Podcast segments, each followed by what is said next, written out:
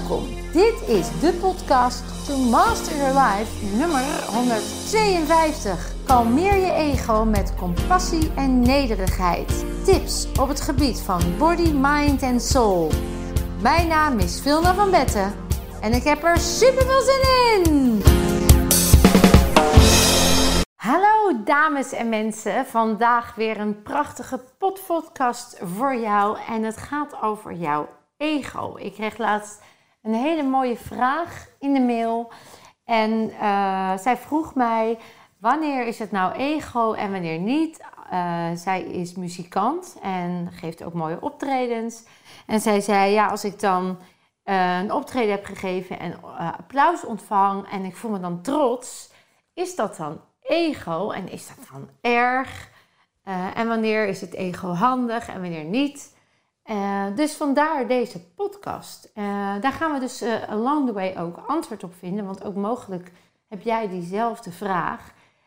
Um, dus ik moest even denken aan de situatie die ik nog niet zo lang voorgespiegeld kreeg van Cor. Cor die had zich weer uit het veld laten slaan door een collega, Petra. Want Petra die weet alles beter, ja, en hij niet. Um, hij heeft een HBO-diploma, eh, de rest van zijn collega's hebben allemaal universiteit. Dus uh, ja, bij elk overleg schiet Cor in de paniek en durft niks te zeggen. En dan soms doet hij een poging, maar ja, als Petra dan weer begint, dan wordt hij meteen stil. En eigenlijk zijn dit twee voorbeelden van twee uitdagende ego's. Want Petra, die is steeds aan het woord, die weet het beter, die voelt zich verheven. Uh, en Cor, die doet aan onzekerheid. En um, ja, dat lijkt dan geen ego, maar dat is het toch wel. Want deze twee manieren zijn eigenlijk waarop, waarop duidelijk wordt dat het ego hinderlijk kan zijn naar de weg van vrijheid en eigenlijk jouw groei blokkeren. Want ego, en is eigenlijk dat stemmetje dat we allemaal kennen. Dat zegt, uh, ik wil ertoe doen, ik wil meetellen, ik wil dat mensen van me houden, ik wil erbij horen, ik wil dat ik bijzonder ben, dat ik iets te bieden heb, dat ik een reden voor mijn bestaan heb.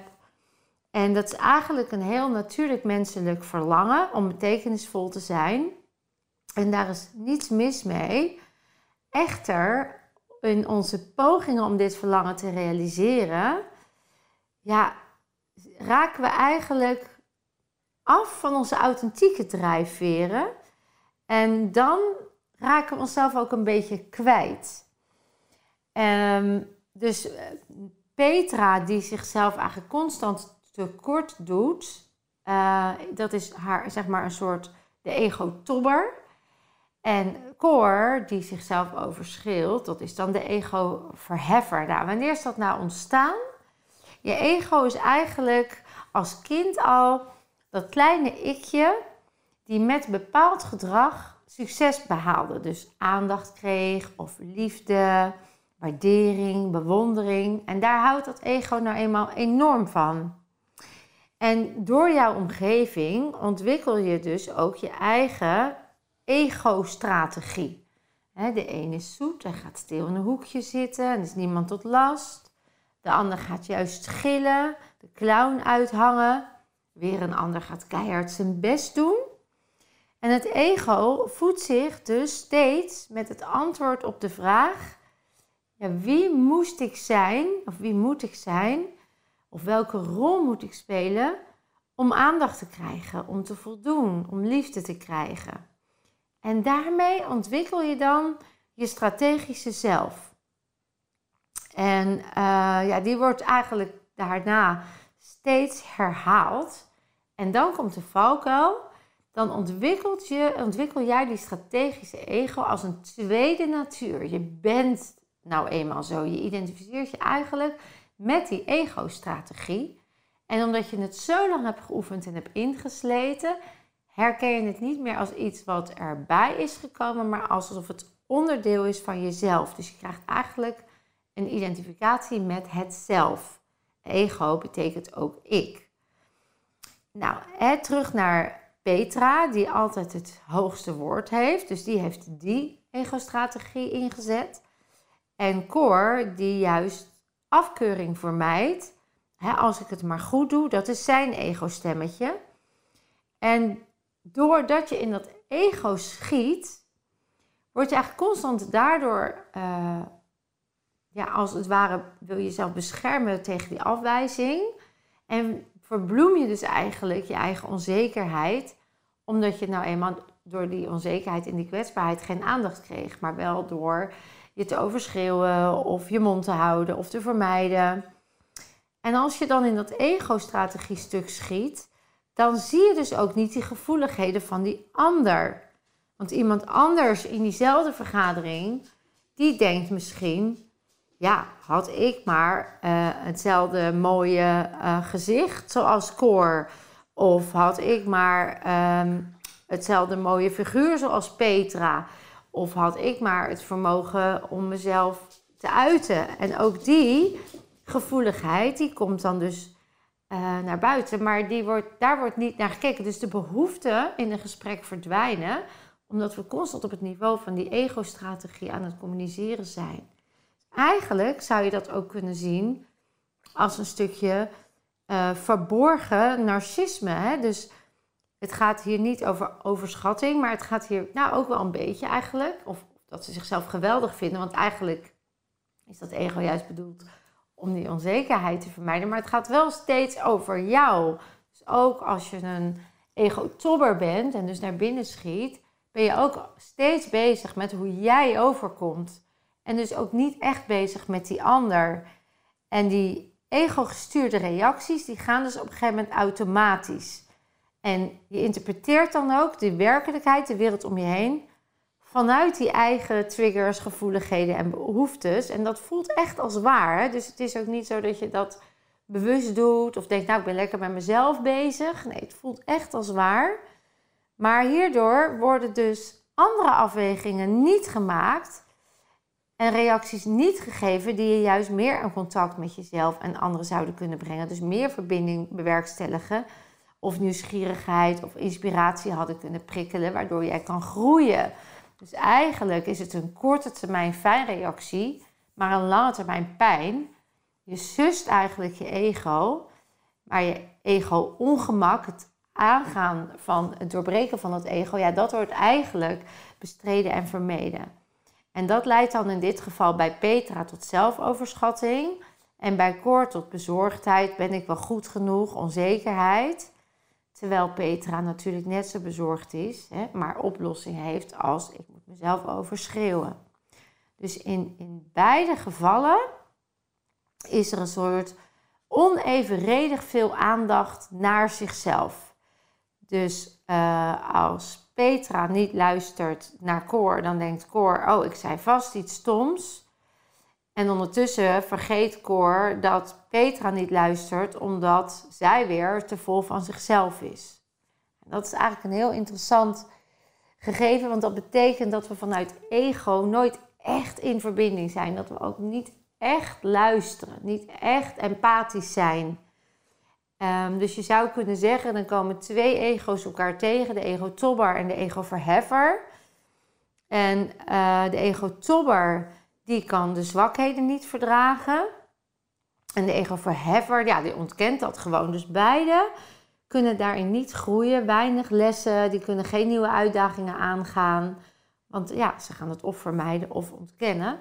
En er is dus ook in beide gevallen sprake van weinig empathie. Hè? Die tobber, die lijkt empathisch, maar dat doen ze vooral als ze zich kunnen identificeren met de ander want dan kunnen ze me naar hartelust projecteren. En dat is heel anders dan dat je oprecht geïnteresseerd bent. Uh, dus je bent in beide gevallen ook niet in contact met de werkelijkheid, waar de mens tegenover je gewoon ziet als mens met behoeften en verlangens.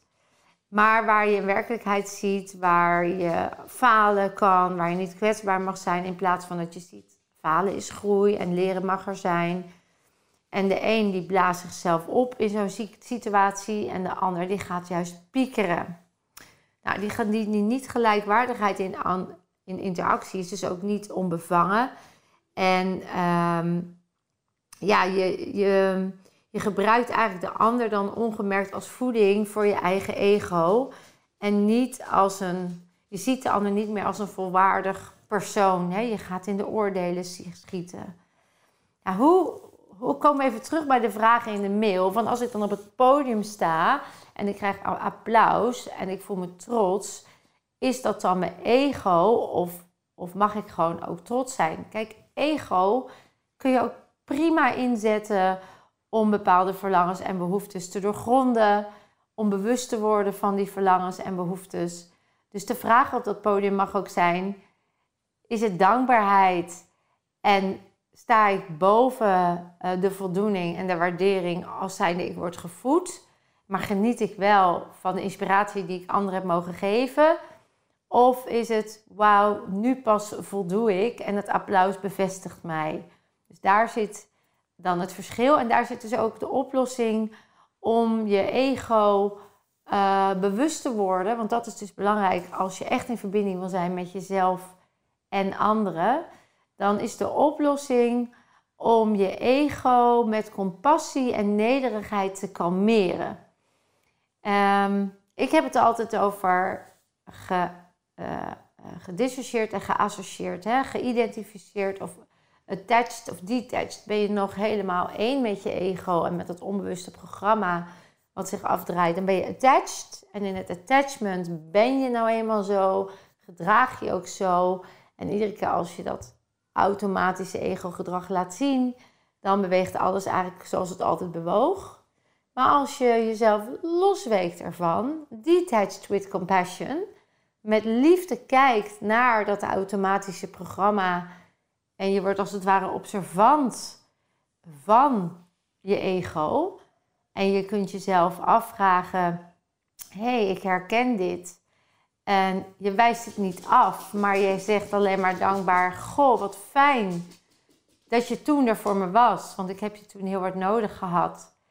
En ik kijk er nu naar, ik hoef er alleen niks meer mee dan voorkom je eigenlijk dat je de volgende keer als je weer in zo'n situatie zit, neem even koor in die vergadering, die hoeft dan niet stil te worden. En die, hoeft, en die kan gewoon de vraag stellen, uh, wat bedoel je nou precies met wat je zegt? Want ik merk dat je niet altijd kan volgen. En als je dan nog niet detached bent en Petra die reageert meer van, uh, ja hallo, stel niet van die domme vragen, ik ga door want je, je neemt tijd van me weg. Dus die overcompenseert weer en je bent niet tijd, dan ga je natuurlijk weer je eigen valk. Dan denk je, oh zie je wel, ik stel een domme vraag. Hè? Nou, zie je wel, dan voed je weer je ego. Terwijl als je dus detached bent, dan zeg je, oké, ik heb dus de neiging om mezelf ondergeschikt te maken aan de ander. Daarmee veroordeelde ik mezelf in het verleden. Ik zie het nu, daar ben ik dankbaar voor. Ik hoef er niks meer mee te doen. Ik mag iets ook gewoon niet begrijpen. Dat maakt mij niet minder dan een ander. En dan kun je naar handelen door ook aan te geven wat je behoefte is. Te zeggen, nou, voor mij is het heel fijn als je het nog een keer uitlegt. Want dan kan ik met je mee in het proces en we hebben het gezamenlijk doel. Dus dan kunnen we samen, weten we meer dan één.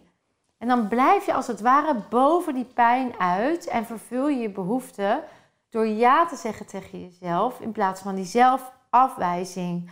En dan luister je dus veel meer naar je eigen intrinsieke drijfveren dan dat je ze dus veroordeelt of ook de ander veroordeelt. En um, daarmee maak je jezelf vrij. Je geeft uh, Petra de gelegenheid om ook gevoelens te uiten of kwetsbaarheid te laten zien. Maar vooral ook bij jezelf. Uh, ja, kun je gewoon ook zeggen op een manier die vanuit een hogere doel um, eigenlijk jouw behoeftes vervult. Dus dan ga je uit vanuit je pure ik. En dan heb je niet aan het eind van de leven, je leven de constatering: Goh, ik heb mijn hele leven keihard gewerkt om te laten zien dat ik de moeite waard was.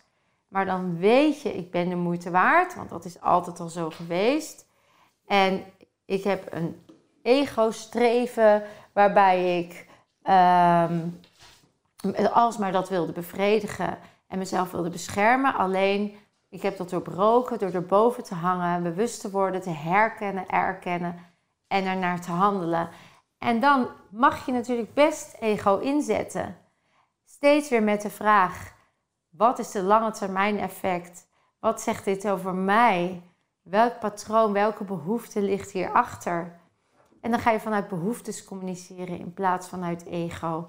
En dan is er echt een verbinding, een diepe, mooie verbinding met jezelf en anderen. En je, uh, je handelt vanuit je drijfveren, vanuit je pure ik. En dan ervaar je dus groei, want je durft te groeien. Je mag die kwetsbaarheid laten zien, omdat je waardevol blijft, wat je ook doet en wat je ook zegt. Nou, ik hoop dat deze podcast jou weer heeft geïnspireerd. En wees lief en met compassie en nederigheid kalmeer jij je ego, zodat jij weet dat je vanuit je pure ik leeft. Mocht je nou merken dat je nog dat patroon van dat ego steeds weer tegenkomt, kom dan gewoon eens een keer even wat resetten. Reset dan dat celgeheugen, reset dan die patronen die mogelijk nog belemmeren, waardoor jij in vrijheid kan groeien zodat je vrij kunt zijn in een vergadering, voor een groep durft te staan, je mening durft te geven. Niet altijd hoeft te overschreeuwen, het hoeft te overcompenseren of hoeft te vermijden. Maar gewoon lekker in vrijheid jezelf kan zijn. Nou, in dat geval wens ik je gewoon eens een keer te zien tijdens een prachtig helend weekend of een prachtige helende week. Zodat jij echt niet alleen reset, maar ook de tools leert in communicatie en gedrag om het dan anders te doen als observant en jij dus ook echt boven jezelf uitstijgt. Ik wil je bedanken weer voor al je mooie liefde, je energie en de aandacht die je in deze podcast hebt gestopt. En je weet het, je kunt meer dan je denkt.